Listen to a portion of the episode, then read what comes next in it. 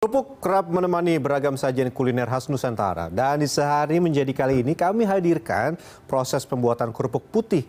Mulai dari meracik adonan tepung dan ikan, menggoreng hingga tersaji di meja makan Anda. Perjuangan, perjuangan mencari nafkah. Misi bang. Wah,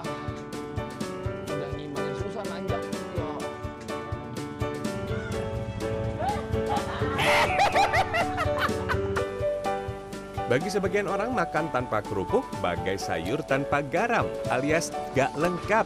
Kerupuk pun menjadi salah satu camilan favorit warga plus 62 untuk menemani beraneka menu kuliner Nusantara. Kerupuk tuh makan kayak gimana ya?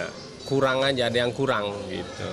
Emang ciri khas juga kayaknya sih orang Indonesia juga makan pakai kerupuk. Eh, enak aja ada kriuk-kriuk kayak kayak gitu kan. Jadinya nambah rasanya aja sih. Salah satu sentra produksi kerupuk di ibu kota ada di Cikoko, Pancoran, Jakarta Selatan. Setiap harinya tempat ini mampu memproduksi 12.000 keping kerupuk. Wah, bisa buat mukbang dong ya. Meski demikian, ada proses panjang sebelum kerupuk mendarat di piring Anda. Pertama, siapkan sejumlah bahan seperti bawang putih, terigu, garam, penyedap rasa, perisa ikan, dan bubuk udang. Takarannya 3 liter air dicampur dengan 1 kg bawang putih halus. Lalu masukkan 8 kg garam dan penyedap rasa. Setelah semua bahan tercampur rata, panaskan adonan. Eits, tapi bukan dengan kayu bakar atau gas ya, tapi pakai ini nih. Nah, kalau yang suka bikin kopi tapi pakai coffee maker, nah biasanya nih kopinya dikasihin panas-panas begini nih. Nah, proses bikin kerupuk ya mirip-mirip lah. Ini biar panasnya dia jatuh. Ini biar panas, biar nyatu semuanya. Meski sudah diberi perisa ikan dan bubuk udang, adonan kerupuk tetap menggunakan ikan asli. Satu kuali adonan biasanya dicampur 20 hingga 25 kaleng ikan sarden halus. Setelah air mendidih, masukkan 70 kg terigu yang sudah diencerkan menggunakan air. Ini kalau yang sering jajan di pasar, mirip bubur sumsum. Sebenarnya bisa saja menggunakan terigu kering, namun ketika diaduk seperti ini akan berat dan sulit larut. Hmm, jadi nggak bisa cuma pakai tenaga karena yang ada tenaganya buang sia-sia. Jadi harus benar-benar di aduknya. Waduh, lengket pak. Wah, wah berat men. Dan terakhir, tambahkan minyak dan biarkan suhu adonan turun menyerupai temperatur ruangan. Meski didiamkan hingga dingin, adonan kerupuk jangan diinapkan semalaman karena adonan akan menjadi basi dengan ciri berbau serta berbuih. Adonan harus dibuat setiap hari agar kualitasnya terjaga. Hmm. Salah satu cara untuk mempertahankan pelanggan, jangan pelit-pelit pakai ikannya karena ikannya yang bikin dia tambah wangi juga. Kemudian jangan pelit juga sama garam. Karena kalau kerupuk kurang asin, kurang enak. Tambahkan terigu kering agar adonan menjadi kalis dan siap dicetak. Terigu kering ditambahkan di bagian akhir supaya adonan tidak terlalu basah dan lengket saat dicetak. Ini kalau ketemu tepung begini nih biasanya kita masak di dapur kan jumlahnya kecil ya. Bikin kayak masakan-masakan satu dua porsi udang goreng tepung dan sahabat-sahabatnya. Ini 25 kilo bos. Mohon maaf banyak banget. Tapi jadinya memang ribuan ya bang ya. Mengangkat adonan tidak bisa sembarangan ya. Kalau saya bagian tim supporting, terutama di bagian ini karena kalau sampai saya salah polanya, sampai salah perhitungannya, potensi kecelakaan kerjanya juga nggak main-main ya. Tangan bisa kena, ih, kena giling. Selanjutnya, tinggal masukkan adonan ke mesin pencetak. Mesin ini akan membentuk bulatan yang rendah di bagian tengah dan tinggi di bagian samping.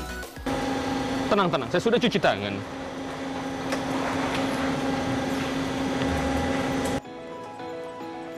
Namun tidak semua hasil dari mesin cetak sesuai dengan kualitas yang diinginkan.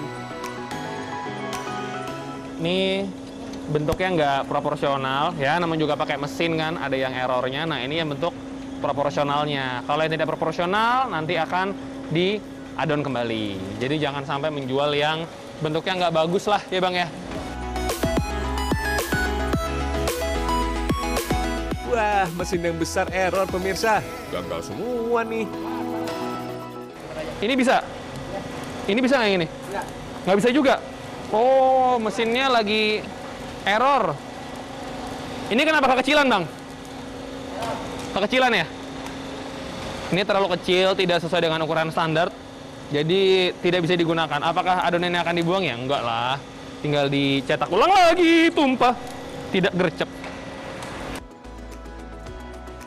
Rampung dicetak, kerupuk masuk ke proses pengukusan. Pengukusan memakan waktu 15 sampai 30 menit, tergantung pada jumlah kerupuk yang dimasak dalam satu waktu bersamaan. Salah satu ciri-ciri kerupuk yang matang adalah tidak mudah pecah serta warnanya cenderung putih transparan. Kerupuk kemudian dijemur selama satu atau dua hari bergantung cuaca. Tapi kalau sedang hujan, apakah kerupuk tidak diproduksi? Ya tentu tidak. Pemilik usaha kerupuk mengakalinya dengan bantuan oven untuk mempercepat proses pengeringan. Dan sekarang ke proses terakhir atau pamungkas dari kegiatan kali ini. Menggoreng. Ada dua wajan besar yang disiapkan untuk menggoreng kerupuk. Ini yang sudah di oven tapi tidak bisa langsung digoreng, nggak bisa ya? Nggak bisa. Jadi dia tuh harus direndam dulu dalam minyak yang sudah mendidih, didiemin, terus diaduk-aduk, baru dituang ke minyak panas yang bawahnya api. Ya, jadi ini nggak ada apinya sama sekali. Menggoreng dengan minyak panas tanpa nyala api akan membuat kerupuk mengembang maksimal. Nah, ini yang sudah jadi maksimal nih kayak gini nih. Saya kasih contoh. Set, aduh panas. Memang mm, terlambat. Oh, sedikit lebih kecil. Garing sih garing, cuman kan kalau semakin besar semakin mantap. Kecepatan menjadi kunci dalam proses menggoreng. Dalam waktu kurang dari 5 detik, kerupuk yang dimasukkan ke minyak panas langsung mengembang. Tapi jangan lama-lama, nanti kerupuk akan berubah warna menjadi kuning dan tidak garing sempurna.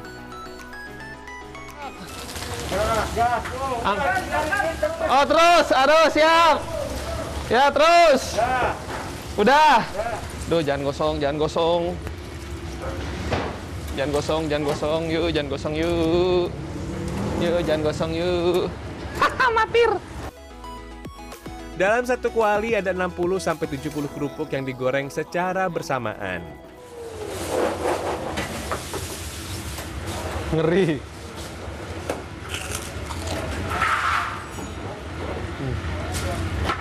Banget, Pak. Kurang ajar emang saya. Hmm, huh? Goyang iya, lapar iya. Enak. Karena pakai kandang kaplit jadi berasa dia. Rampung menggoreng, masukkan kerupuk ke dalam tong di sepeda yang telah dimodifikasi. Oh iya, sebelum dijual, tambahkan ini ya. Mumpung masih agak hangat, kita tabur sedikit. The secret recipe. Ini daun bawang. Sebelum pandemi, pemilik usaha kerupuk mampu memproduksi 20.000 kerupuk sehari. Namun kini tinggal separuhnya saja atau 10.000 kerupuk dalam sehari. Meski demikian, omset perharinya mencapai 7 juta rupiah. Omset besar bukan berarti tanpa kendala ya. Di daerah kota besar tuh nggak selalu stand ya, kadang pindah. Kalengnya para pedagang itu kadang hilang gitu. Karena warungnya itu kontraknya habis, apa izinnya habis, dia pindah ya hilang kadang sama kaleng-kalengnya. Apakah setelah kerupuk digoreng, perjalanan saya selesai? Ternyata belum selesai. Saya masih harus mengantarnya ke pelanggan. Perjalanan masih panjang. Kalau kita cuma ngegoreng, ya tidak dapat uangnya dong. Eh, mundur mundur. ini remnya nih harusnya nih ya. Kita let's go. Wah berat pak, gue takut tabrak. Ntar dulu. Miring Ntar dulu. Ya pak, duluan pak. Mundur pak, ada ribuan warung kelontong yang menjadi pelanggan para penjual kerupuk ini. Satu kaleng diisi 32 kerupuk. Kerupuknya memang ringan pemirsa, tapi gerobaknya hahaha lain cerita.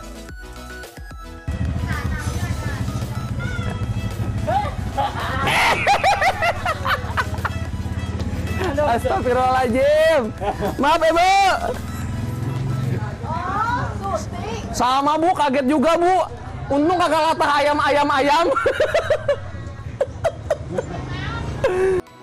Penjual kerupuk tidak menjual putus ke para pemilik warung, tetapi dengan sistem titip. Jadi setiap pagi mereka akan berkeliling ke warung-warung dan pemilik warung baru membayar sesuai dengan kerupuk yang terjual. Oleh pemilik usaha, satu buah kerupuk yang telah digoreng dibanderol Rp600. Sedangkan pedagang menjual satu buah kerupuk dengan harga Rp800 ke pemilik warung dan di warung kerupuk dijual Rp1.000 per buah. Jika satu kaleng berisi 30 kerupuk, ludes terjual, seorang pedagang bisa mengantongi uang Rp24.000. Ini bapaknya kuat banget ya. Ketika di shoot ini sudah hampir tiga jam. Kita sudah muter ke kurang lebih sekitar 50-an warung. Dia infonya dia punya lebih dari 120 warung yang langganan dia. Ampun tiap hari. Matahari semakin tinggi, tapi perjalanan saya masih panjang. Awal-awal sih saya semangat, tapi begitu ketemu jalan menanjak, tenaga saya langsung terkuras.